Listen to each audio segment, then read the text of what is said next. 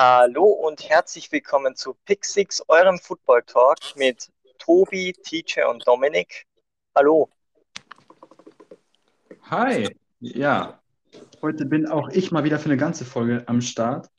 Freue mich, dass es wieder geklappt hat. Ja, moin. Ich bin natürlich auch da, wie immer.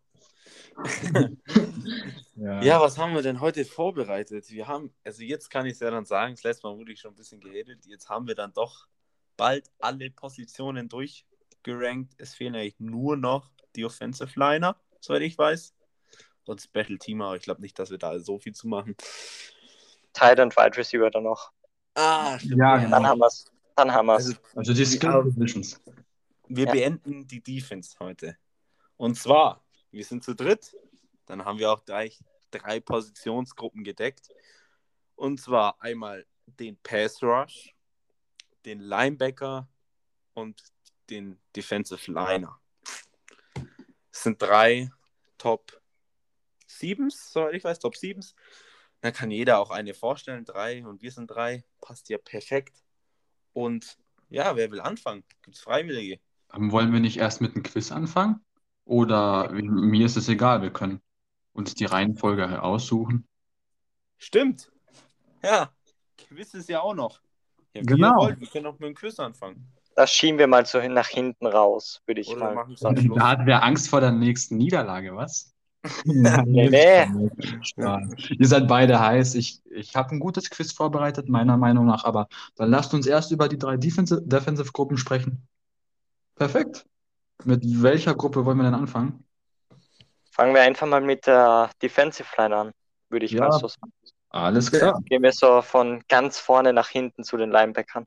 Das Perfekt. ist, das ist mein Codewort. Defensive Liner. Richtig. Dann schieß Ja. mal los. Überhaupt von den Top-Listen von all drei Positionen waren wir uns dieses Mal wirklich schon sehr einig. Also es gab wenig Spieler, die irgendwie einer gar nicht drin hatte oder zwei gar nicht drin. Ja, fangen wir mit der Nummer 7 an in der Defense Line. Ist ein Bengals-Spieler Cheno Cheno Atkins. Ist auf Ehemaliger Bengals-Spieler. Ehemalig. ehemaliger Bengals-Spieler. Wurde entlassen. Wurde entlassen. Aber hat noch keinen neuen Club, oder? Äh, Carlos Dunlap wurde zu den Seattle Seahawks ähm, getradet, wurde dann dort entlassen. Ach so, da- wir reden jetzt gerade über Geno Atkins. Nee, Ja. der hat kein neues Team. Sorry. Alles klar. Hat kein neues Team, hat aber, also noch kein letztes Team. Hat er letztes Jahr doch gut gespielt, wenn er auch bei uns in der Top 7 ist. Hatte natürlich auch bei den Bengals jetzt, bei den Bengals wird, denke ich, jeder ein schwieriges Jahr gehabt haben oder hatte jeder ein schwieriges Jahr. Deswegen Kopf in Nacken, muss schnacken. Wird bestimmt besser, oder? Ich frage jetzt mal als erster den Bengals-Fan TJ, was sagst du zu dem jungen Mann, alten Mann? Also er war schon immer einer der großen Namen in der Bengals Defense die ganze letzte Saison. Und egal welches Team ihn jetzt nimmt, in der Free Agent, wen, wer, wem er jetzt signed, er wird eine Unterstützung, er wird eine Verbesserung in der D-Line sein, im Pass Rush. Und das ist, der hat was drauf. Mehr möchte ich gar nicht sagen. Dominik noch ein paar nette Worte. Ähm, er, ist ein, er ist ein solider Defensive Liner und hat Okay. es verdient, in der Liste zu stehen. Eine kleine Zwischenfrage hätte ich noch für TJ. Ja. Sollen die Bengals Atkins resignen oder nicht? Damit habe ich mich ehrlich gesagt gar nicht so sehr befasst und beschäftigt. Ich bin aktuell eher mit der Frage beschäftigt, ob wen die Bengals draften sollen. Also kann ich da jetzt gar nicht so viel sagen, leider.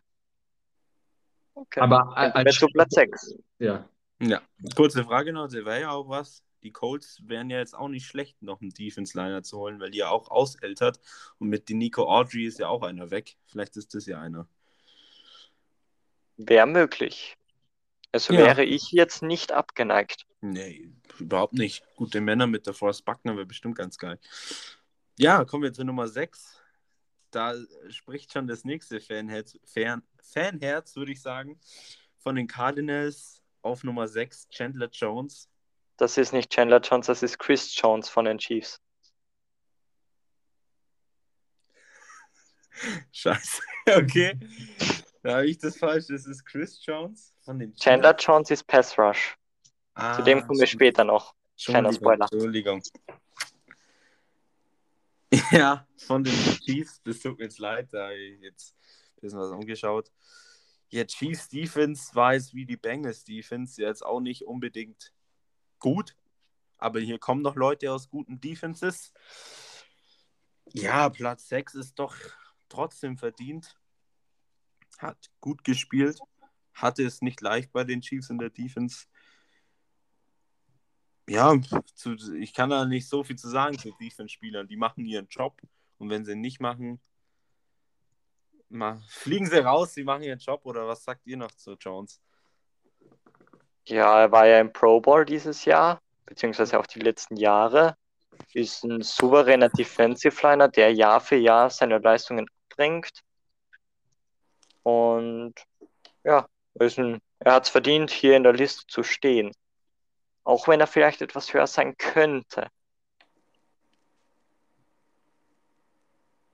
Okay. Oder TJ? DJ, ja. Er hatte viele Sacks, hat die D-Line der Chiefs geprä äh, der, ja, geprägt. Er hat es verdient, in der Liste zu sein, wie ihr schon gesagt habt. Könnte eventuell auch ein Stückchen höher, höher gerankt werden, aber er ist nicht umsonst einer der Top-Spieler der Liga. So, dann haben wir den auch abgehackt. Jetzt hoffentlich kommen keine Fehler mehr. Es gibt, keine, es gibt keinen fünften Platz. Es gibt nämlich zwei vierte Plätze. Und da fange ich dann mit, fange ich mal mit dem an, den ich weniger mag, als ich es blöd habe, aber ja. Ist Cameron Hayward von den Steelers. Richtig? Richtig. Richtig. Die Steelers hatten jetzt im Gegensatz zu den Chiefs und zu den Bengals doch eine recht gute Defense. Kam ja auch viel über die Defense, weil die O- Offense ist eher nicht so der Prägler war. Da war die Defense schon extrem stark. Und da hat er auch sehr viel Impact gehabt, würde ich sagen. Er hat sehr viel beizuleisten, dass die Defense gut war. Ja. Könnt ihr noch was sagen zu ihm? Dominik.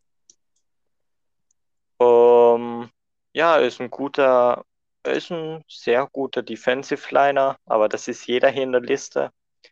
Ich bin gespannt, wie, der, wie die Defensive Line nächstes Jahr aussehen wird. But Dupree ist jetzt weg. Aber es wird auf jeden Fall wie nächstes Jahr wieder Druck kommen. Einerseits von TJ Watt, andererseits von Hayward. Und er ist einer der besten auf seiner Position. Ja, Bud Dupree fehlt bestimmt mega. Aber du kannst halt nicht zwei. So, der wäre auch sehr teuer geworden und das kannst du Ja. dir dann irgendwann nicht leisten. Mussten sie dann gehen lassen. Ist jetzt ist zu den Titans, oder? Ja, Titans, Ha. 85 Millionen. Fünf Ja. Jahresdeal. Also schon Schon Teuer. viel Kohle, ja. Das hätten sich die Steelers auf jeden Fall nicht leisten können. TJ, Nee. du noch was zu Hayward? Gar nichts. Gar nichts. Optimal. Dann gehen wir zum nächsten vierten Platz und den mag ich doch schon sehr. Ist er einer von dem älteren Kaliber, kann man sagen. Das ist Fletcher Cooks von den Philadelphia Eagles.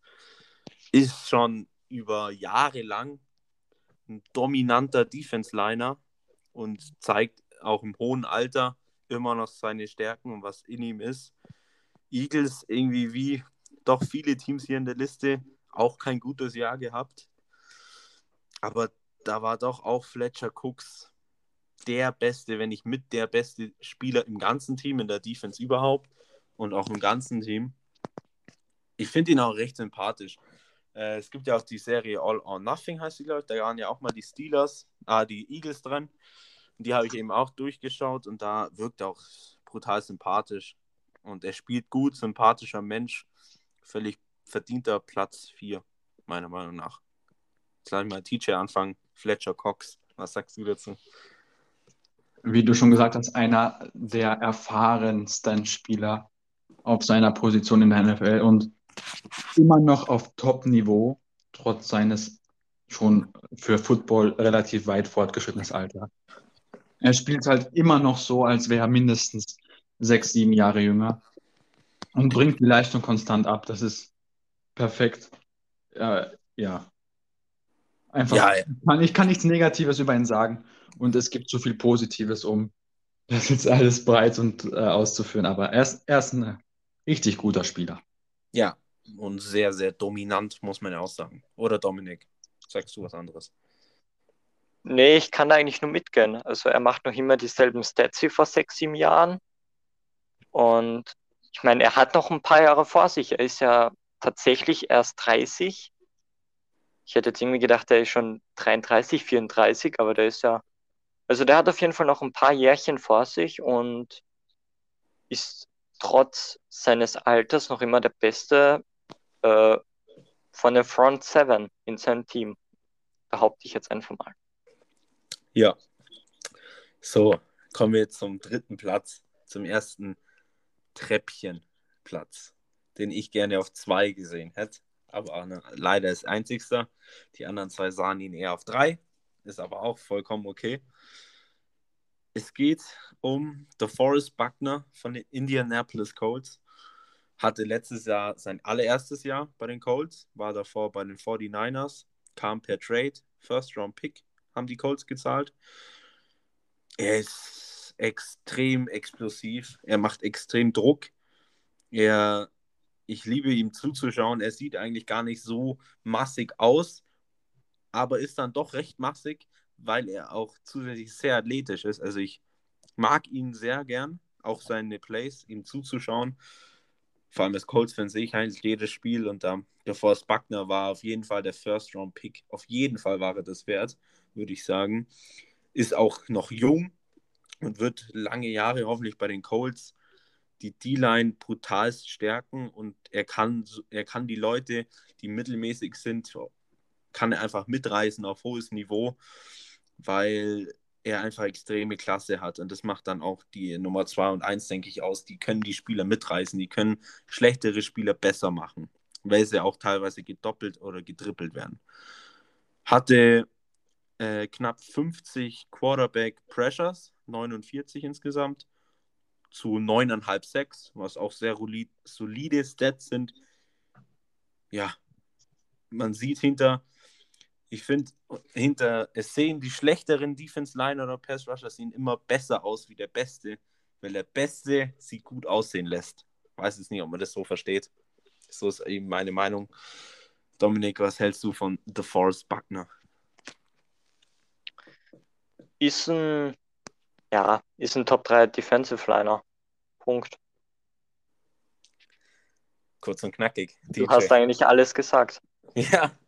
Finde ich. TJ, hast du noch was hinzuzufügen? Ich finde es halt auch so unglaublich, dass ähm, diese ganzen D-Liner dann und vor allem auch die Forrest Buckner, die sind immer am Ball. Egal wo der Ball ist, egal wo sie gerade sind, sobald sie merken, der Ball ist woanders, sprinten die dahin, als ging es um ihr Leben und machen das Tackle, egal wo und wann. So ein richtiger Ballhawk und das fasziniert mich so an diesen Top-D-Linern, dass die wirklich überall sind, wo man sie gerade braucht und das ist da ist die Forrest Buckner einer der besten in seinem Fach. Ja, auf jeden Fall. Er sieht auch sehr elegant aus, finde ich, bei seinem Job. Sieht immer sehr gut aus. Kommen wir zu Nummer zwei. Silbermedaille, kann man sagen. Kenny Clark von den Green Bay Packers. Ich lese jetzt kurz bloß vor. 40 Pressures, 2 Sacks und jede Einzelinformation, wieso er so weit oben ist, lasse ich jetzt mal komplett Dominik weil wir haben hier einen Green Bay Packers-Fan und der soll uns doch mal sagen, wieso der so gut ist. Ähm, Kenny Clark ist so gut, weil er ist so der Spieler in der Green Bay Defensive, der so den Top O-Liner und den Top Guard auf sich zieht.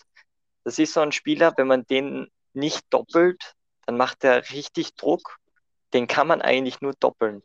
Und dadurch, dass er den ganzen Druck auf sich zieht, kommen dann so Leute wie die Smith-Brüder, also äh, Preston Smith und Cedarius Smith. Die beiden kommen dadurch dann richtig durch und können dann den, die guten Stats abräumen. Und er hat zwar nur unter Anführungszeichen 40 ähm, Quarterback Pressures und auch nur unter Anführungszeichen 2-6. Aber wenn man einige Green Bay Spiele gesehen hat, so wie ich, dann merkt man richtig, was für einen wichtigen Impact er in dieser Defense bedeutet. Also er ist einer der Spieler, er ist nicht auf die Stats auf, er ist keiner der Spieler, der sagt, hey, ich will jetzt die meisten Sacks haben, ich will jetzt die meisten Quarterback Pressures haben. Er ist eher so eine Art Teamspieler, der sagt, ey, ich, ich nehme alles auf mich, aber dafür macht ihr das Play. So kann man ihn, denke ich mal, gut beschreiben. Ja, ich erinnere mich nur an ein Spiel. Das war eben Packers gegen die Colts. Und das, das hat dann meine Meinung denkst, da hat er halt gegen Nelson doch eher den kürzeren gezogen, aber Nelson ist halt auch der beste oder einer der besten Guards. Darf man jetzt auch nicht vergessen. Das war schon ein geiles Duell, muss man auch sagen. Mhm. Und überhaupt das ganze Spiel in Overtime noch gewonnen, die Colts. Extrem geiles Spiel. Ja, Teacher, hast du noch was zu sagen zu Kenny Clark? Ja, da komme ich wieder mit meinen Madden-Stories hier an. Der Madden-Talk. Ja, wir können echt mal einen Madden-Talk einbauen. Aber ja, gerne. was ich gerade sagen möchte, er, raus. er ist äh, in Real Life ein Biest auf dem Feld, wie Dominik das schon schön und ähm, gut formuliert hat. Er ist ein Teamplayer. Ihm ist egal, wie seine Stats aussehen, solange das Team gewinnt und er dem Team zum Sieg verhelfen kann. Und in Madden macht er mich mies aggressiv, aber in, in, in, in Real Life ist er einfach äh, ist er ein guter Spieler. Punkt. Ja, dann kommen wir zu 1. Und da weiß jetzt natürlich keiner, wer da sein könnte. Ich drehe mich um. Nein, verrat's mal. Sehe sein Trikot an meiner Wand hängen. Es ist der Defense Player of the Year. Matt Ioannidis. ja. Nee. Nicht? Es ist tatsächlich, tatsächlich DJ Reader. Nein. Ah. Es ist Aaron Donald von den LA Rams. Hat eine brutale Saison gespielt. Also er wurde gefühlt in jedem Play von drei gedeckt oder mindestens von zwei. Aaron Donald, abartige Maschine. Also da muss man sich, da kannst du nicht nur, schau dir das Spiel gegen die an oder das Spiel gegen die an, sondern schau dir einfach ein Spiel an, wo er nicht verletzt war. In dem Playoff-Spiel war er leider verletzt dann. Hat trotzdem ein bisschen gespielt, war dann ein bisschen emotional, weil es ihm doch so weh tat und er dann nicht spielen konnte, wirklich. Aber er war die ganze normale Regular Season ein abartiges Tier. Ist jetzt dann, glaube ich, nächstes Jahr würde er die 100 Career Sacks packen, hat glaube 98 oder so. Hatte diese Saison 13,5 Sacks und 45 Quarterback Pressures. Und für das, dass er jedes Play von so vielen Leuten im Blick hatte, jeden, also er hatte so viele Leute immer bei sich und trotzdem solche Stats auch rauszuhauen. Und man muss ihn spielen sehen. Er ist einfach, es ist einfach abartig. Also man kann da nicht viel dazu sagen. Er ist einfach der beste Defense Liner. Wird es wahrscheinlich die nächsten Jahre auch sein, weil er einfach, man kann ihn nicht stoppen. Man kann ihn nicht wirklich stoppen. Man kann ihn nie ein ganzes Spiel unter Kontrolle haben. Ja. Und nächstes Jahr spielen die Rams gegen die Colts. Das ist Duell gegen Nelson bestimmt auch extrem geil. Ja. Ich freue mich jetzt. Nee, TJ. Was sagst du zum Aaron Donald? Sportlich gesehen eine absolute äh, Vollmaschine. Er ist wirklich, da lässt nichts zu mängeln übrig. Und selbst wenn er verletzt ist, er versucht ja trotzdem alles für das Team rauszuholen. Aber vielleicht habt ihr das mitbekommen, aber er wurde ja auch jetzt abseits ähm, des Spielfeldes wegen einer Prügelei ähm, ein bisschen angeschwärzt, wenn man das mal so sagen kann.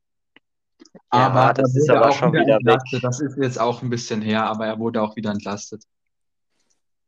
Ja, hat sich herausgestellt, dass er ja sogar, obwohl er provoziert wurde, eher noch dazwischen gegangen ist. Er war ja sogar quasi noch der Held, sage ich jetzt mal, von dieser Aktion. Er geht Ja, und Er das- wurde ja, er wurde ja nur beschuldigt wegen dem Geld. Würde ich Ja. jetzt einfach mal so behaupten. Nee, oder weil halt teilweise der, wo wirklich zusammengeprügelt war, da gibt es auch Bilder, auf Twitter habe ich was gesehen, der sieht auch übel aus und da siehst du dann auch nicht wirklich, wer dich schlägt. Und Donald war halt dabei, weil du den davor schon gesehen hast. Und du kennst ja sonst nicht wirklich einen und dann zeigst du halt Aaron Donald an. Aber zum Glück gab es Überwachungskameras, das war ja irgendwie draußen auf dem Parkplatz.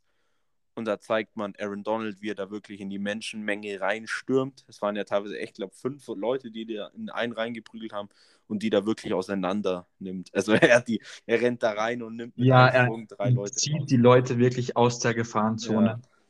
Und Also das zeugt wieder von Charakter und das, Ja, ist ein Ehrenmann. Ich Ja, hab- ich habe genau. Jersey von ihm geholt, weil ich die Rams mag. Seit dieser Saison habe ich ihn extrem in mein Herz geschlossen. Er ist ein, er ist ein? Ja, nein, natürlich schon, oder? Aber jetzt habe ich mich entschlossen, als ein Trikot zu holen. Weil ich das neue auch extrem geil finde, jetzt mit dem Neongelb und Blau und ja. Ist ein Liebe. Ich bin gerade beim Trikot. Ja.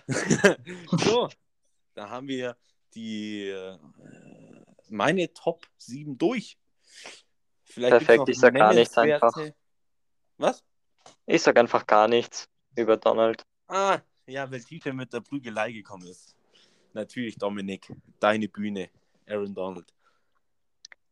Ja, Donald ist einfach ein Biest. Also 100 Career Sacks kann passieren, wenn er sich ein bisschen steigert von der 2020er Saison. Er steht jetzt bei 85,5. 85, ja. Letzte Saison hat er 13,5. Er braucht 14,5 für die 100. Ist auf jeden Fall machbar und er wird alles dafür geben. Ich erinnere mich gerade an dieses eine Play, wo er gegen die Cowboys, wo er erstmal den Center und den Guard stehen lässt und dann Ezekiel Elliott einfach mal drei Yards zurückwirft und dann auch Dak Prescott erwischt, aber der hat den Ball leider schon weggebracht. ein Moment für die Ewigkeit. ja, Dieses Play liebe ich. Also gibt's, könnte man das irgendwie ausdrucken als Video und auf die Ban und auf die Wand hängen, würde ich das sofort machen. Ich liebe dieses Play. Also er ist, er ist. Defensive Player of the Year und alles andere als Platz 1 wäre eine Frechheit. Ja, ich, dann bin ich fertig. Ich lese noch schnell, die, wo es knapp nicht reingeschafft haben, lese ich noch ganz schnell vor. Das ist Grady Jarrett, Matt Edenis, sorry für die Aussprache, DJ Reader und Akim Hicks. Ja, ich bin fertig. Und wir haben gesagt, von vorne nach hinten, also ist jetzt logischerweise TJ dran, oder? Naja. Linebacker, ähm, ja, können Ja, wir machen ich von mir ich aus. würde sagen, Pass Rusher ist ein bisschen weiter vorne, also Ja. würde ich jetzt einfach weitermachen. Oder Ja, Dominik, mach du einfach direkt weiter. Perfekt. Ähm, ich ich fange einfach mal an. Und zwar gibt es bei den Pass Rushern gibt es sieben Personen, wo wir alle drei den in die Top 10 gepackt haben. Gleich wie auch bei den Defensive Linern. Und auf Platz sieben haben wir drei reingepackt, den guten JJ Watt. Hat letztes Jahr in Houston gespielt, spielt jetzt ab nächster Saison gemeinsam mit DeAndre Hopkins bei den Arizona Cardinals. In einem Jahr ist dann auch Deshaun Watson da. Ähm, Wir wissen Nein, alle, wen du meinst. nee, ich nicht. Ähm, Dann löst mal auf, bitte. ich habe doch jetzt Deshaun Watson gesagt. Was Im- verlaufen ist. Im, äh, ja. Ach, egal. Egal. Ähm, souveräne Defensive Liner, ob er nächstes Jahr Top 7 ist, wird knapp. Kommt davon, wie er einschlagen wird. Vor allem auch neben anderen großartigen Spielern bei den Cardinals in der Defense. Aber er ist ein souveräner Pass Rusher und hat es schon verdient nach Jetzt seiner sag doch mal Erfahrung. den Namen. Hab Hast ich du doch noch gar nicht gesagt. Hä? Natürlich. Echt? Platz 7 ist JJ Watt. Oh ja, ich wollte es nur noch mal bestätigt, bestätigt bekommen, Dankeschön. Also JJ Watt. Ja. Oh. Hör doch mal zu, TJ. Dann sag du wenigstens was über, T über, über JJ Watt. So, jetzt. Ähm, ich bin sehr dankbar oder ich freue mich mit ihm, dass er aus dem ähm, leider doch sehr, sehr, sehr schwachen Houston Texans Team entkommen ist, um sich jetzt mit seinen ehemaligen Teamkollegen und Freunden äh, oder Freund DeAndre Hopkins zusammen, um einen Super Bowl zu bemühen, weil er wollte ja immer zu einem Super Bowl-Team und deshalb war es etwas überraschend, dass er dann doch zu den Cardinals bekommen, äh, gekommen ist und das hat er sogar noch selbst verkündet. Nicer Move, hat uns die Offseason auf jeden Fall noch etwas schmackhafter und spannender gemacht, als sie sowieso schon war. Und sportlich gesehen war das eine richtig, richtig gute Entscheidung. Und mal sehen, wie er dort einschlägt, neben anderen großen Namen, zu denen wir auch gleich noch kommen werden, in der Cardinals Defense. Aber Platz 7 finde ich gut. Tobi, deine Meinung zu dem guten JJ? Ja, wie TJ jetzt schon gesagt hat, er ist zum Glück geflohen, kann man jetzt vorsichtig sagen. Houston ist, also ohne ihn und wie es ausschaut, Deshaun Watson ist ja auch noch schwierig, ob der überhaupt spielen darf. Die Frage ist, er hat ja gesagt, er will gar nicht mehr für Houston spielen, egal ob er spielen darf, wegen seinen Anklagen. Ja, er ist, ich will mich da jetzt eigentlich kurz halten. Ja, er ist ein guter Mann. Er wird in der neuen Defense hoffentlich wieder Impact haben und ja, freue mich, den in einem guten Team spielen zu sehen. Ja, ist er gerade noch so vom sinkenden Schiff davon geflohen. Von der Titanic ins Rettungsboot. Ja. Ähm, Dann auch, Platz nach, Nummer. auch nach Arizona. Ja, Sorry für die Unterbrechung. Bei dir, DeAndre Hopkins ist eingeschlagen und JJ Watt will jetzt dasselbe machen. Und ich hoffe es natürlich als Cardinal-Fan sehr. Das Kardinale. Das Platz 6 ist der Spieler, der sich letztes Jahr leider verletzt hat. Und zwar die Rede ist von von von Miller. Klingt komisch, aber ja. Von Miller auf Platz 6. Broncos, Pass Rusher. Schade, dass er sich verletzt hat, aber wie viel Gramm Körperfett hat der? 0,3 Prozent oder so? Keine Ahnung. Irgendwie sowas. Extrem krass. Irgendwie sowas. Und er ist einfach ein Biest und wird dieses Jahr wieder auf Quarterback-Jagd gehen. Und laut unserer Liste wird er dort Erfolg haben. Tobi, deine Meinung zu dem guten von Miller? Ja, ich habe ihn ja mit Abstand am höchsten, glaube ich. Ich habe ihn an drei, weil ich einfach schon die letzten Jahre, er hat über Jahre lang, war er einfach gut, extrem gut. Er hat sich leider verletzt, hat die ganze Saison nicht gespielt, aber man hat äh, ich verfolge ihn auf Instagram oder überhaupt Social Media, man hat es gesehen, wie er trainiert. Er hat abartig nochmal was an seinem Körper gemacht, nochmal mehr Muskeln, nochmal mehr Athletik ist jetzt eigentlich auch nicht mehr der Jüngste, man sieht es ihm einfach nicht an. Ich mag den Kerl, verdient.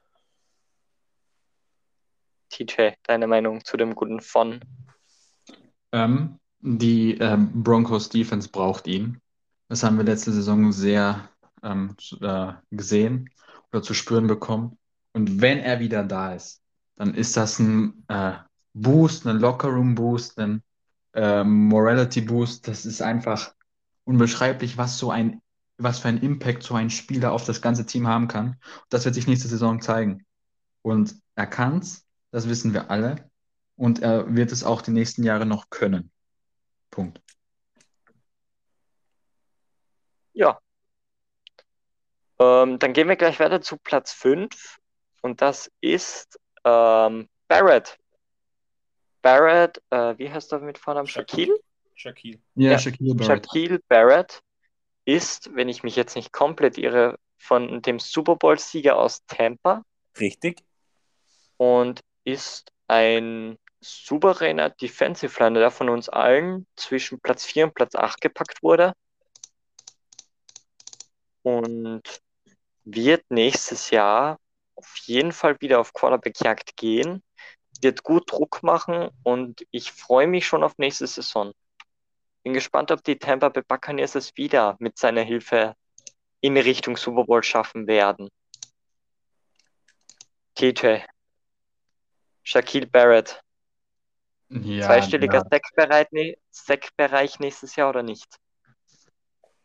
Ähm, zweistelliger Sack-Bereich, das wird dann doch Ähm, das wird eine Aufgabe, aber er ist dieser Aufgabe gewachsen. Also sehr unwahrscheinlich wird es nicht, aber ja, das Potenzial dazu hat er. Die Gegebenheiten hat er.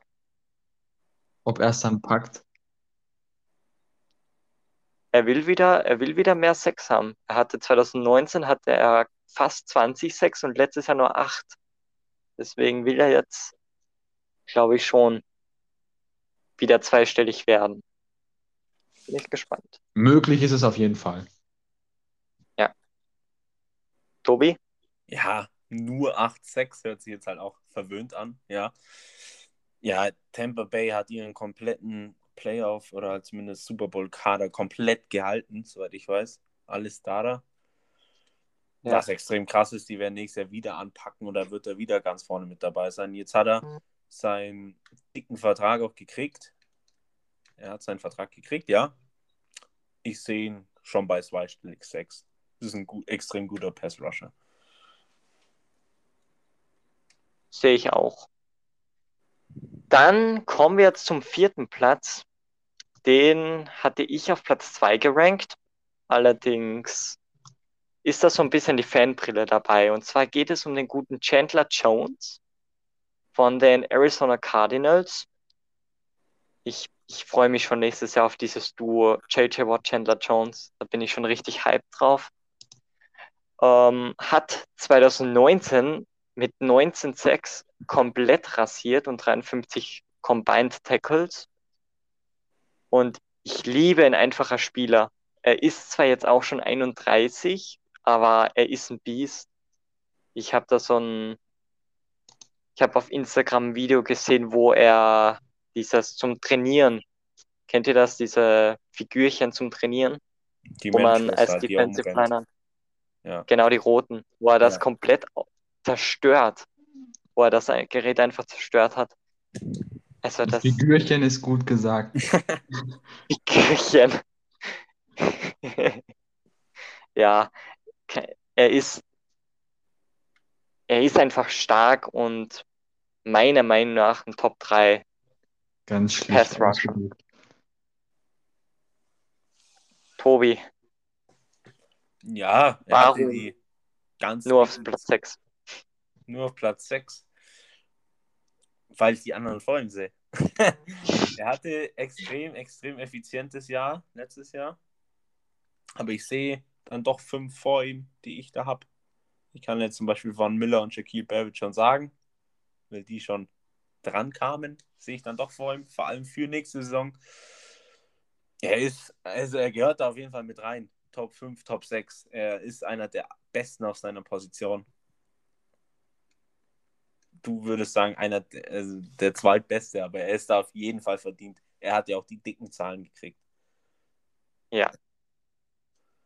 TJ, Ähm, äh, sportlich gesehen keine Frage. Ich denke mir nur, er muss sich dann auch die Stats mit JJ Watt ein bisschen teilen.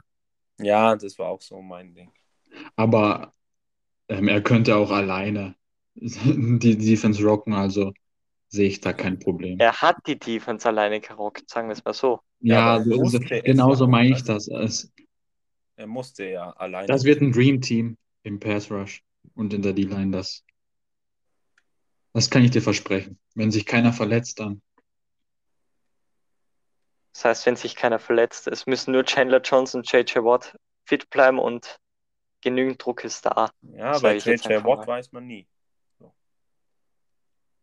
JJ Watt, der spielt auch krank, wenn er muss. Ja. Der macht auch mit einer blutigen Nase, macht auch die Sex. Also, ich bin auf jeden Fall extrem gehypt auf die nächste Saison, vor allem auf die Defense. Bis jetzt war ich ja von den Cardinals bei der Defense immer so, ach nee. Aber für nächstes Jahr bin ich, bin ich voll dabei. Platz 3 ist dann von den LA Chargers Joey Bosa. Der ältere Joe, äh, Bosa-Bruder hatte letztes Jahr 39 Tackles, davon 10 halbe, könnte man sagen, also 10 combined. 7,5 6, keine Interception, auch kein Touchdown. Aber er ist einfach ein wichtiger Part in dieser, in dieser Chargers Defense. Er ist so einer der Spieler, wo man sagt, wenn der fehlt, dann geht fast nichts mehr. Sie hatten, oder ich weiß nicht, ob sie den Vertrag mit Melvin, mit Melvin Ingram verlängert haben. Das weiß ich gerade nicht. Ähm, aber sie hatten Melvin Ingram zwar, aber man merkt einfach, wenn er nicht da ist, dann, dann fehlt was im Bezug auf Quarterback Rush. Und er ist ein wichtiger Part und ich liebe es ihm einfach zuzuschauen. Und ja, TJ. Wie du schon gesagt hast, wenn er nicht da ist, dann fehlt was an Impact, aber wenn er da ist, dann wird's, dann wird's kritisch für jede O-Line, jeden Quarterback. Auch für Dann die wird's, für jede gute O-Line wird es dann kri- kritisch.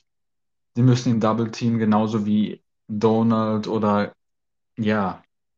Er ist Schau. einer dieser unstoppable Players. Wenn der mal auf dem Feld steht, dann Der bringt auch immer gute Zahlen drauf. Also, ja, da kann man nicht meckern. Tobi, Chargers. Bosa ist extrem geil zuzuschauen. Ich würde auch mal, es, ihr habt alles so gesagt an Dings, an Impact und was er alles hat. Bloß kurzer Fun Fact, ich würde halt irgendwann mal so gern die zwei Bosa-Brüder zusammen spielen sehen. Weil Ja, ist ja ja. fast logischerweise, dass da jetzt noch einer kommt. Ich würde einfach gern beide mal in einem Team sehen. Das wäre, glaube ich, ich glaube, so Ein eine. Bindung oder so eine Dings, das kannst du irgendwie anders gar nicht haben. Das wäre bestimmt geil. Die haben wahrscheinlich schon das zwei oder das vier, fünfjährige Gartenfootball gespielt und so. Bisschen Backyard Football. Was? Bisschen Backyard Football oder Oder ohne Football sich einfach nur gegenseitig umgehauen, weil die sind ja auch beide in der gleichen Position. Einfach, einfach mit sechs und wie, was haben wie für ein Altersunterschied? Zwei, glaube ich, oder? Zwei Jahre. Äh, warte kurz. Mit vier und sechs sich im Garten gegenseitig die Nase blutig rammen. eine Karriere wurde geboren. Oder zwei Ja. Karrieren, zwei Monster. Ich finde beide Bowser-Brüder extrem Zwei Jahre. Zwei Jahre. Altersunterschied? Okay. Zwei. Ja. Joey ist 25, Nick Ja. Bosa ist 23. Ja, Und auch noch so jung und schon so gut. ja. Und Und so die hatten ja beide direkt im Draft schon, im Rookie-Jahr waren die schon Ja, dominant das auf der Position. Das war ja, solche Pass-Rusher hast du gar nicht mehr im Draft. Also im jetzigen Draft ist kein Pass-Rusher in der Kategorie. Ja. Ich mag den anderen Bowser-Bruder ein bisschen mehr, aber ja, finde ich auch sympathisch. Ja, der andere Bosa-Bruder ist ein gutes Stichwort, denn auf Platz 2 ist der gute Nick, Nick Bosa. ähm, du hattest ihn sogar auf 1, Tobi. Ja, ich bin ein Riesenfan. Teacher sogar auf 2. Ich bin auf 4. Also ich bin der Einzige, der den Joey Bosa noch höher gerankt hat. Ähm, ich, ich, mag, ich mag ihn, ja. 32 Tackles, 15 combined, das sind dann 47 im Gesamten. 9 Sacks, eine Interception. Und das in seinem Rookie-Jahr. Letztes Jahr hat er ja nicht viel gespielt, leider. Ähm, war ja auch verletzt, wenn ich mich jetzt nicht recht entsinne.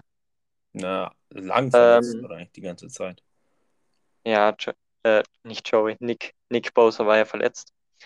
Äh, kleiner Funfact noch: äh, Joey und Nick Bosa haben übrigens auch die gleiche Rückennummer, die 97, wie ihr Vater John Bosa. Wollte ich gerade sagen, beziehungsweise ich sehe es auch gerade. Cooler Fun Fact. Und zwar die 97. Richtig. Titi, du redest gerade, es redet gleich weiter. Nick Bosa. Ja, es ist schade, dass auch er so früh verletzt war. Ich glaube, im Spiel gegen die Jets sind, ist das halbe äh, 49ers-Team ausgefallen. Oh ja. Und dann sind die irgendwie mit dem gesamten Practice Squad noch, äh, haben die noch gute Zahlen und gute Stats auf, aufs Board gebracht. Und wenn das ganze Team dann wieder da ist, oder als das Team dann wieder da war, als sie dann bereit waren, wieder zu spielen, dann ging es auch voran. Und wenn jetzt Nick Bosa wieder gesund, ausgeruht und mit einer Motivation zurückkommt, als Quarterback würde ich mich fürchten. Aua, Ja, sage ich ja, jetzt schon. Den ja, Quarterback. ja. Oh nein, die Colts spielen gegen die. Ja, die Colts müssen gegen die gesamte NFC. West. Dann mal dran, ne? Darf ich sagen? Ja. Ja, also, die Colts haben nicht sehr, so extrem geile Spiele, aber auch schwierige, muss man natürlich auch sagen. Aber jetzt bleibe ich natürlich bei Nick Bosa. Ist mein, meine Nummer eins. Ich mag den Kerl halt unglaub, unglaublich und ich glaube auch, wenn er fit gewesen wäre oder überhaupt die 49ers nicht so Verletzungspech hätten, dann wären die 49ers, glaube ich, auch auf jeden Fall in die Playoffs gekommen. Äh, Die hatten ja echt extrem verletzungsanfällig. Am Schluss war ja sogar Jimmy G nicht mehr da. Die hatten da teilweise Spieler auf dem Feld, die du nicht mal gekannt hast. War dann schon ein bisschen traurig. Also die 49ers, würde ich jetzt einfach mal so sagen, hat es am meisten getroffen, was Verletzungen anging letztes Jahr. Waren ja ein Jahr davor noch im Super Bowl und dann direkt so eine Saison ist halt auch schon krass. Ja. Er ist ein extrem geiler Spieler, ja, was soll ich sagen? Er ist meine Nummer 1.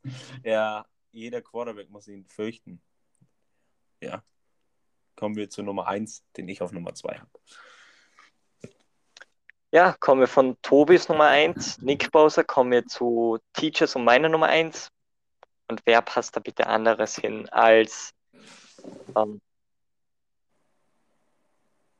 Soll ich es sagen? Colonel, Colonel McPhee? Ganz eindeutig. Nee, es ist ja Justin Jefferson. Ah, ja, Justin. Nein, Justin Jefferson. Winston. Der macht am meisten Interception von allen. TJ Watt. Genau. Ich habe mir, ich habe da komplett falsche Stats aufgeschrieben. Perfekt. Ähm, 43, 43 Solo-Tackles und 53 Combined-Tackles habe ich aufgeschrieben. Natürlich 10 Combined-Tackles und 43 Solo-Tackles. 15 Sacks, eine Interception. Er war lange Zeit auf Defensive Player of the Year Kurs. Wurde dann am Ende auf Platz 2 verdrängt durch einen gewissen Herrn Aaron Donald. Top-Spieler. Ich liebe es, ihm zuzuschauen. Ist seit kurzem der bessere ähm, Watt-Bruder, tatsächlich. Für mich war das eigentlich immer JJ Watt, aber die letzten zwei Jahre hat er einfach rasiert und zerstört. Und ja, wenn man TJ Watt auf sich zulaufen sieht als Quarterback, soll man entweder den Ball weg, schnell wegwerfen oder den Hit einkassieren.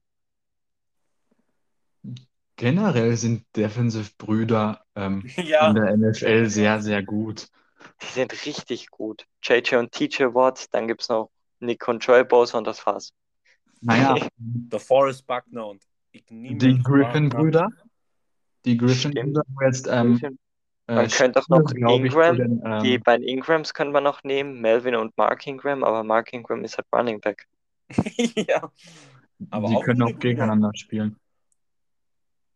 Ja, spielt Houston gegen die Chargers?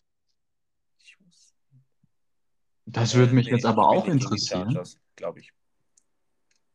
Aber Melvin ist noch nicht resigned worden, also soweit ich weiß. Also da kann auch was passieren. Im Bin Sinne von gespannt. Teamwechsel. Ja. Aber kommen wir mal wieder zurück zu dem guten TJ. TJ, erzähl uns was über den guten TJ. Ich Was kann euch was über. TJ sagen. Er hat einen sehr, sehr schönen Vornamen oder eine schöne Doppelkombination aus Vornamen. Und ähm, abgesehen davon ist er mein Lieblingsspieler bei den Steelers. Das ist nicht schwer.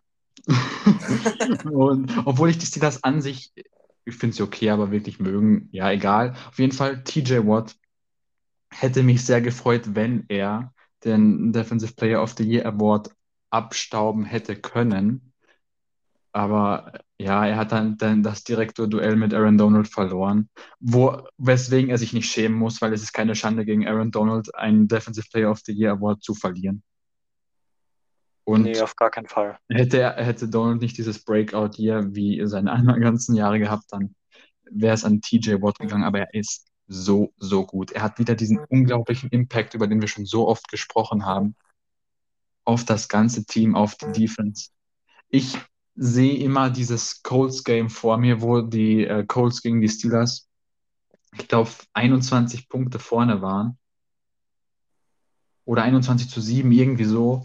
Richtig weit vorne waren und die Steelers dann das leider noch gedreht haben und die Colts in der zweiten Hälfte gar nichts mehr offensiv auf die Reihe gebracht haben. Und ein Grund deshalb war zum Beispiel TJ Watt, weil ich habe da diesen Lauf vor mir, wo Jonathan Taylor eigentlich eine wunderschöne Lücke gefunden hat. Dann kommt TJ Watt und hält ihn mit einem Arm auf.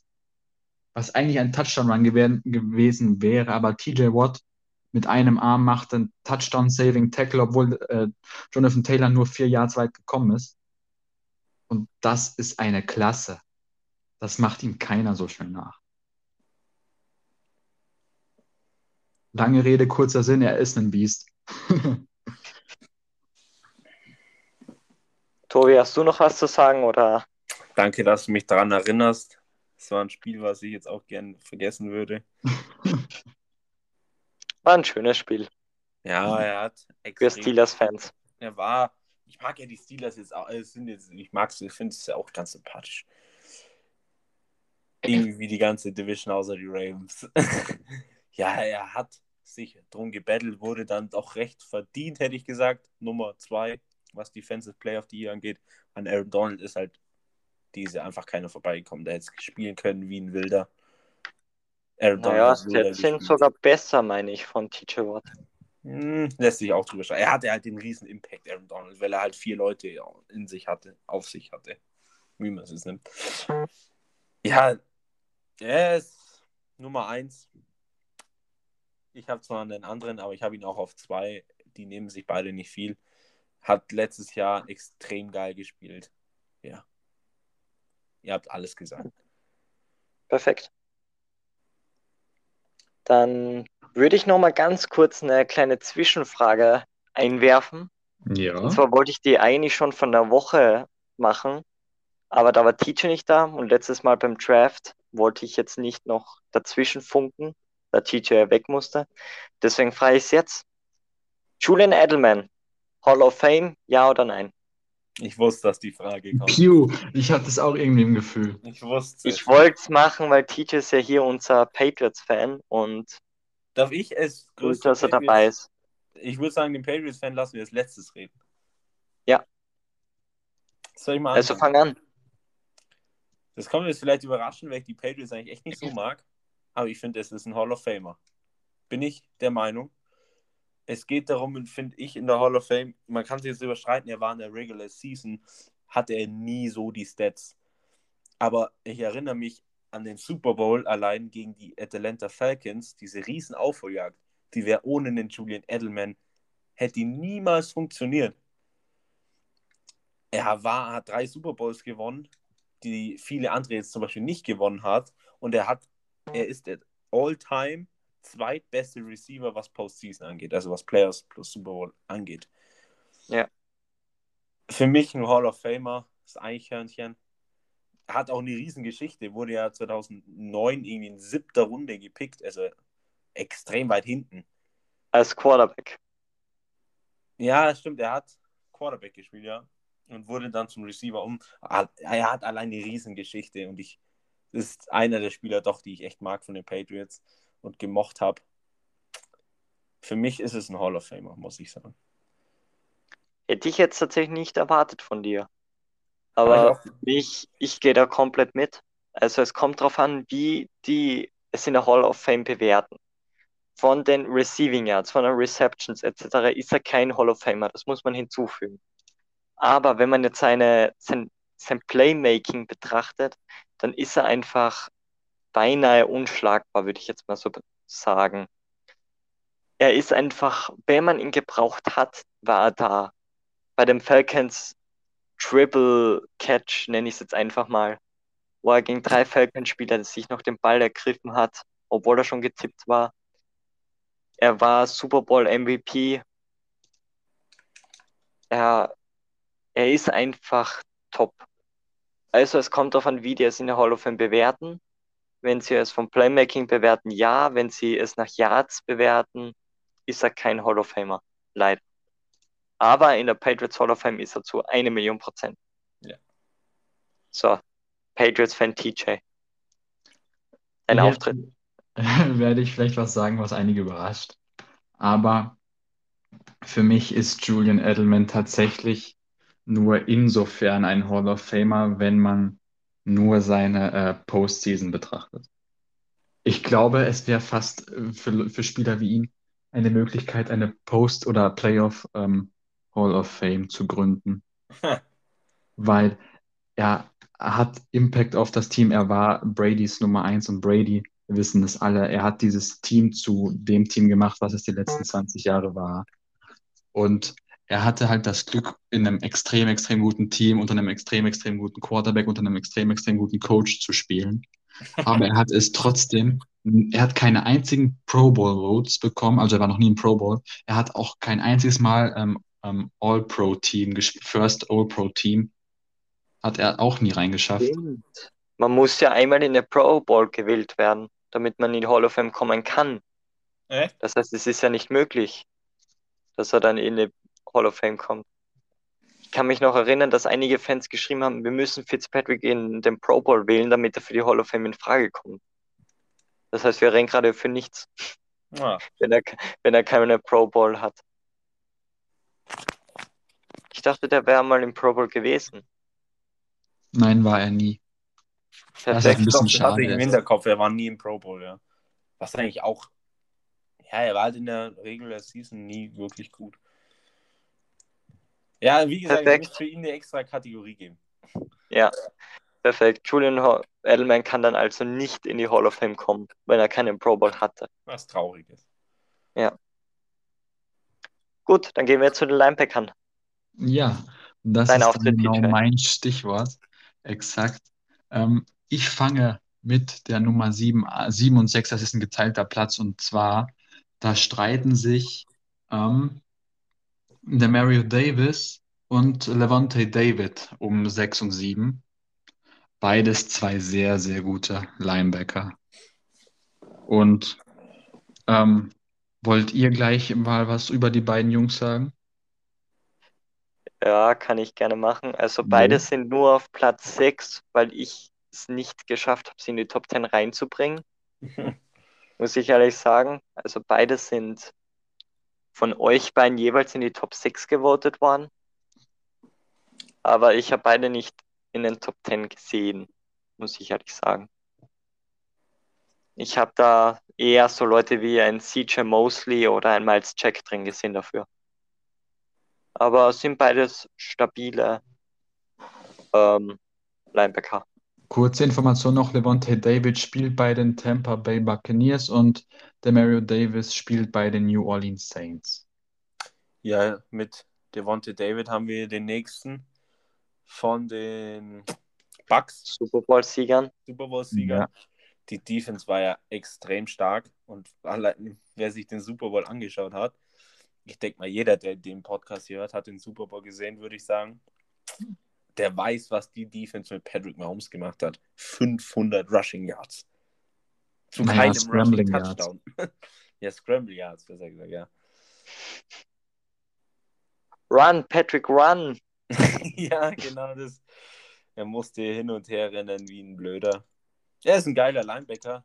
Platz Doppel 6. Gut besetzt, würde ich sagen. Auf Platz 5 hätten wir dann Jalen Smith. Auch ein sehr, sehr, sehr guter Linebacker.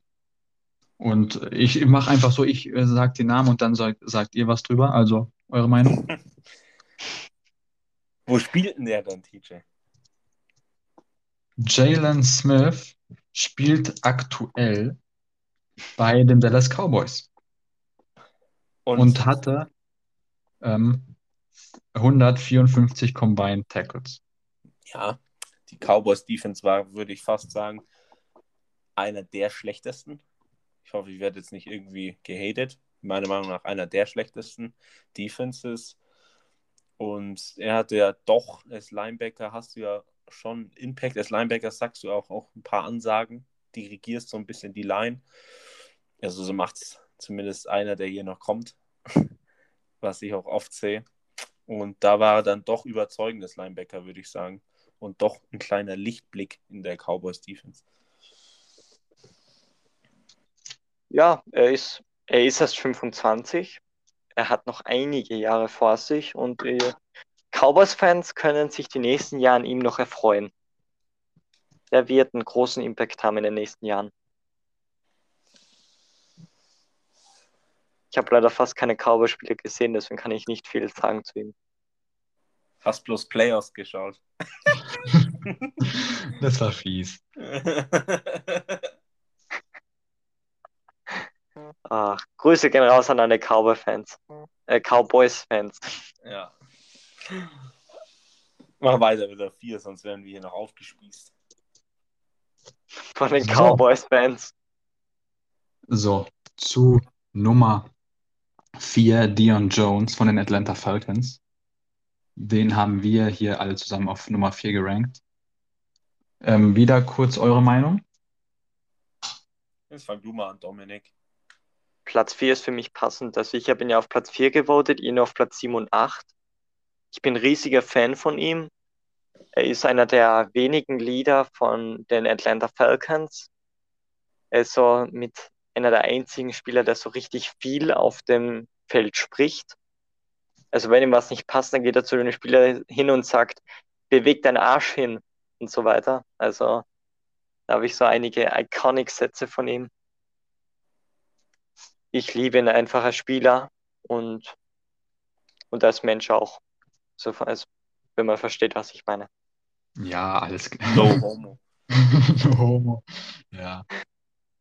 Nein. Ja, wenn ich noch was sagen darf, die Ja. Atlanta Falcons Defense ist auch einer der schlechteren, würde ich, würde ich so unterschreiben. Und da war er auch ein Lichtblick, ja. Die Linebackers, der ist ein guter Linebacker. Aber es kommen noch spannendere. Ja, und zwar jetzt mit Platz 3. Ein Spieler, der sehr, sehr, sehr viel für die äh, Saison seines Teams beigetragen hat, auch wenn sie nicht so ausgegangen ist, wie sich viele erhofft haben. Ähm, und zwar Eric Kendricks, Linebacker von den Minnesota Vikings. Und da habe ich ein paar Stats vorbereitet.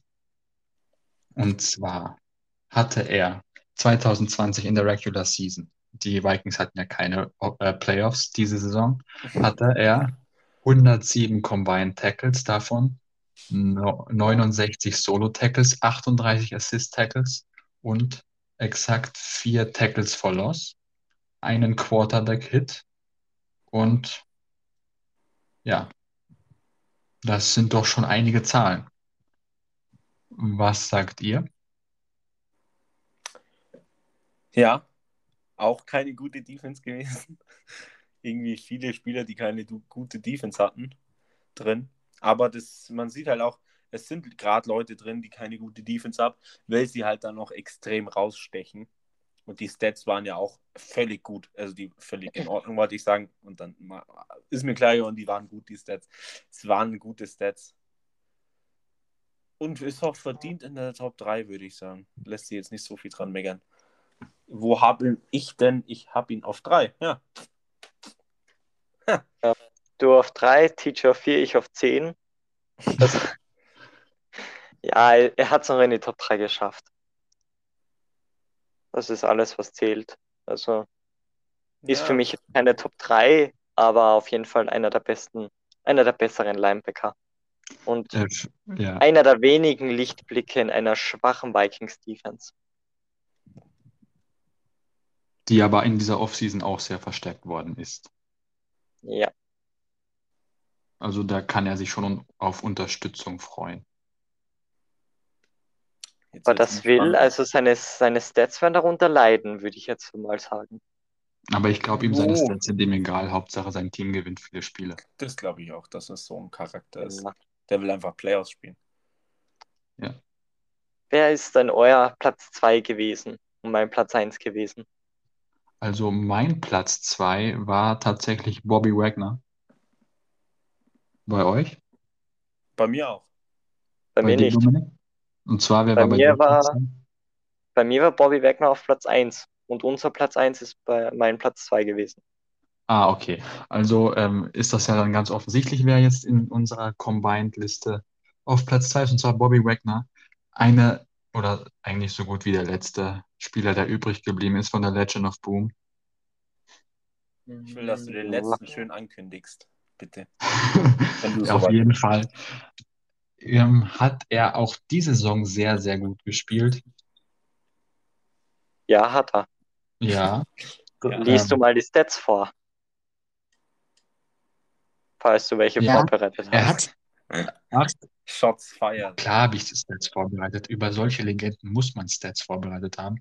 Zwar acht Passes defeated, also acht Pässe äh, abgeschlagen. Ähm, ja.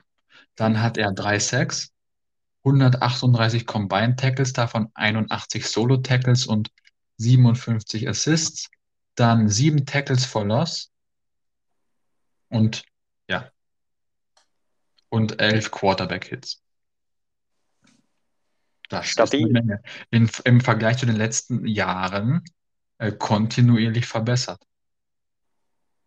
Und deswegen glaube ich, dass er nächste Saison nochmal ein Stück draufsetzt und dass er dann nächste Saison auf Platz 1 sein wird, aller Linebacker.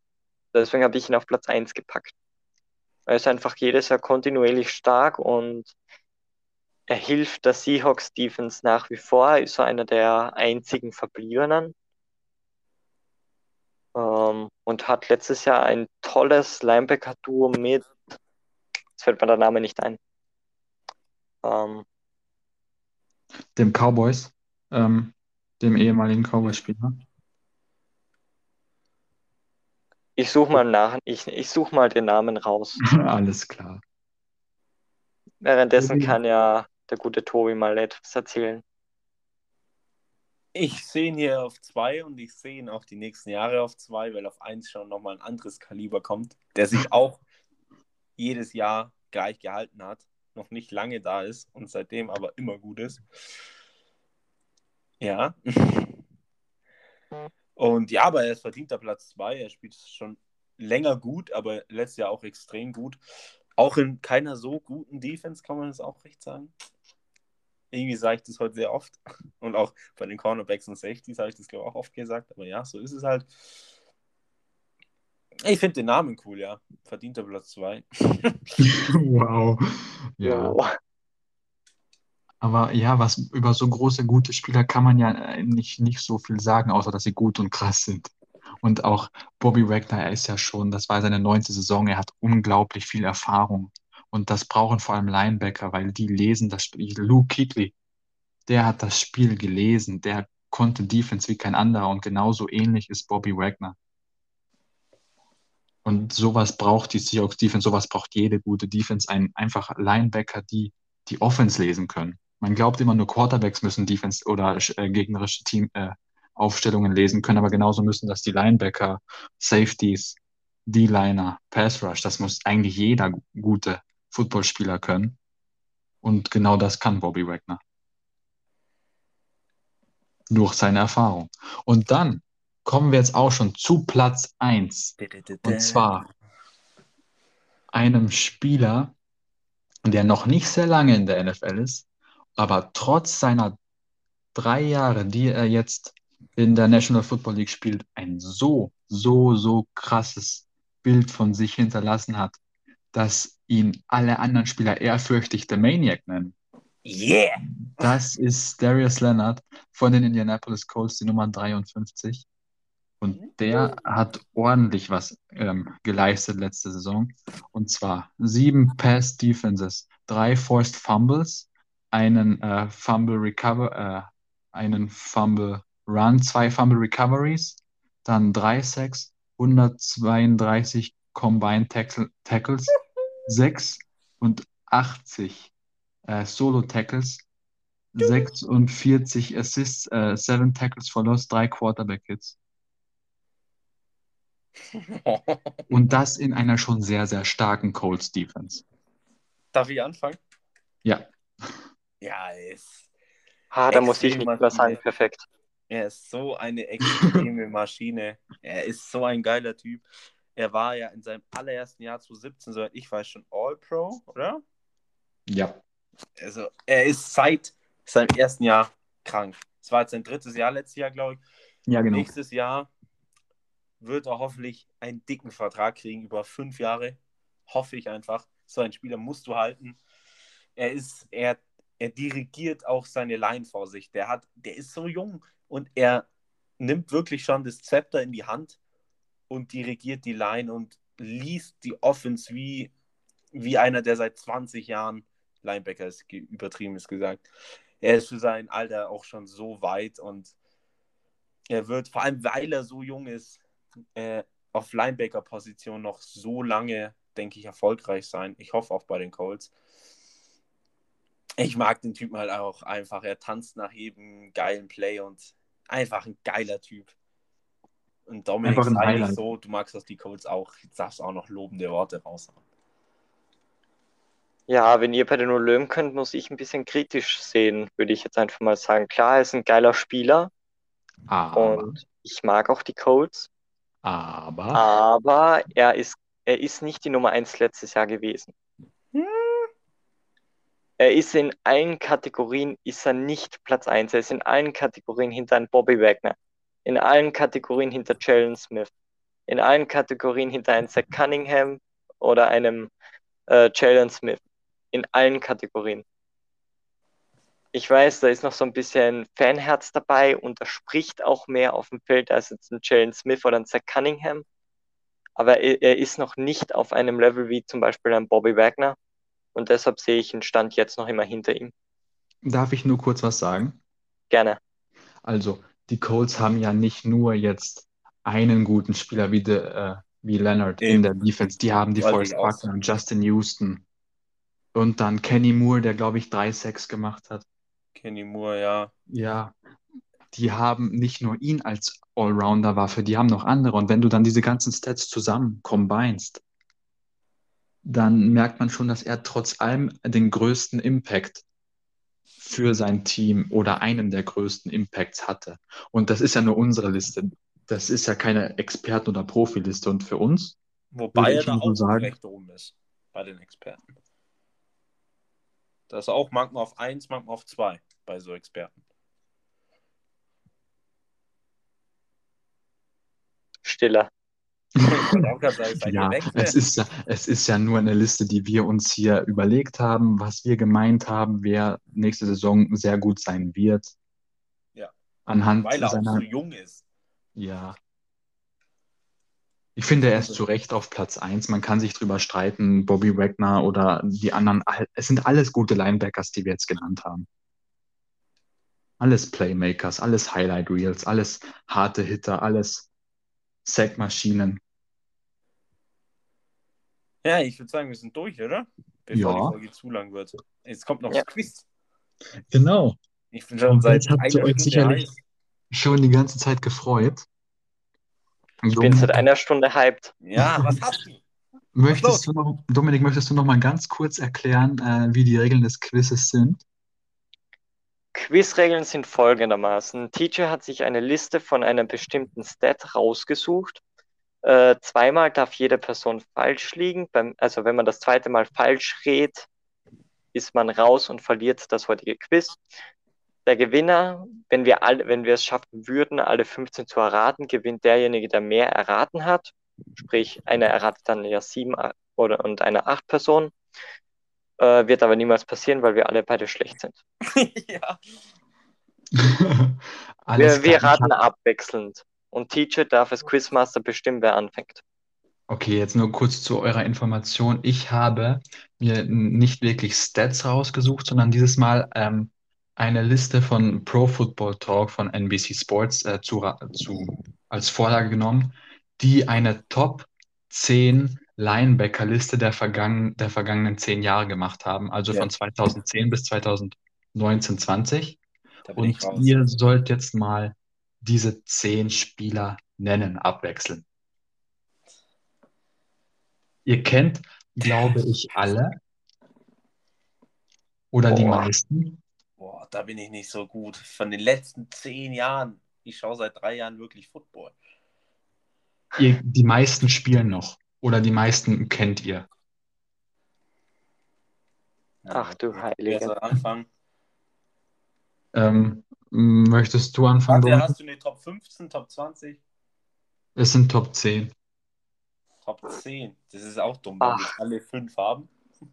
Das wird nicht passieren. Das sage ich dir Ja, jetzt schon. okay, dann optimieren wir es ein bisschen, wer von euch ähm, zuerst drei richtig hat. Nein, das wird nicht so passieren. Nee, Also es ist froh, so schwer, es ist nicht so schwer, wie ihr glaubt. aber ich fange ich fang einfach mal an. Ich sag Bobby Wagner. Du bist so ein Wichser. Wieso? Nein, er darf entscheiden, wer anfängt. Ich habe doch eh gesagt, gefragt, ob ich anfangen soll. Wichser! Diese Kraftausdrücke in dieser Folge. ja, muss. Ja, jetzt, ich suche jetzt mal, ich schaue jetzt mal so ältere. Wer ist denn älter? Ist er überhaupt drin? Ja, ja, er ist auf Platz 6. Was Ja. nur? Warum Ja. nur? Ich hätte gedacht, er ist auf 1 oder 2 oder 3. Dann würde ich fast sagen, es ist ein Alter von den Patriots. Hightower? Leider nein. Ach, scheiße. Was ist denn das? Was? Ja. Ist nicht Hightower drin? Nein, nein, gar nicht. Ihr kennt die Spieler wirklich, es ist nicht so schwer. Ich kenne doch keine Linebacker. Ich würde jetzt einfach. Ich würde jetzt einfach mal. Er ist zwar nicht meiner Liga, aber wenn er gespielt hat, war er krass. Luke Kuechly. Ja, auf Platz 1. Ach, scheiß drauf. Ja, ich habe ein Trikot von ihm. Äh, kein Trikot, ein Poster. Wow. Hängt hier rechts neben mir. Vielleicht ein Spieler, den wollte Dings. Als, als kleiner Tipp, Tobi, Nein. wir haben heute schon über ihn gesprochen. ja, ja, ja, ich glaube, den habe ich. Mosley?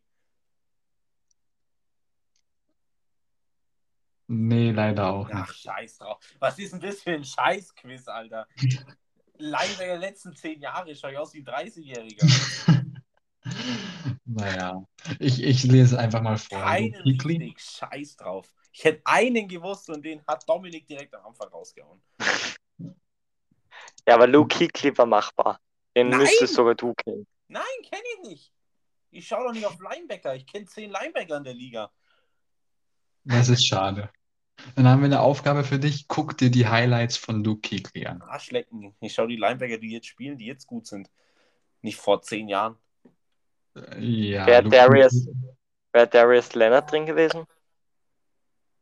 Oder. Eric Der Hendricks? spielt erst seit drei Jahren. Der wird nicht dabei gewesen. Les mal Nein. vor die Top 10, ja. Luke Kuechly. Auf 2 ist Von Miller. Auf 3 Ja, ist. Chandler Jones. Ja, den hätte ich als nächstes gesagt.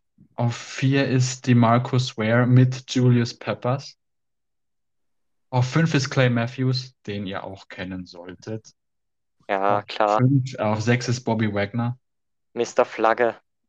Yep. Ja, die Saison war schon ganz, ganz krass, wo er diese ganzen Flaggen eingesammelt hat. Warte, Eigentlich- warum sag mal nicht weiter. Ich habe noch eine Frage. Ja, auf 7 war Ryan Kerrigan, den ich persönlich selber Wäre nicht. Jamie kenn. Collins dabei gewesen? Nein. Ach, scheiß drauf, ja. Dann hätten wir auf 8 Navarro Bowman, den ich auch nicht kenne. Dann hätten wir nochmal auf 9 Khalil Mack. Da! Oh, stimmt. Der, Den wäre ich tatsächlich nicht gekommen, glaube ich. Nein, noch niemals! und auf Scheiß 10 Quiz. äh, Patrick Willis. So ein Scheiß-Quiz. Ihr kanntet eins, ihr hättet kennen sollen eins, zwei, drei, vier, fünf, Kennen- sechs, sieben. Sieben Spieler. Drei Ja, hättet. auf drei wäre ich höchstens Acht. gekommen. Auf Van Miller, auf Kyle Mack und auf Bobby Wagner.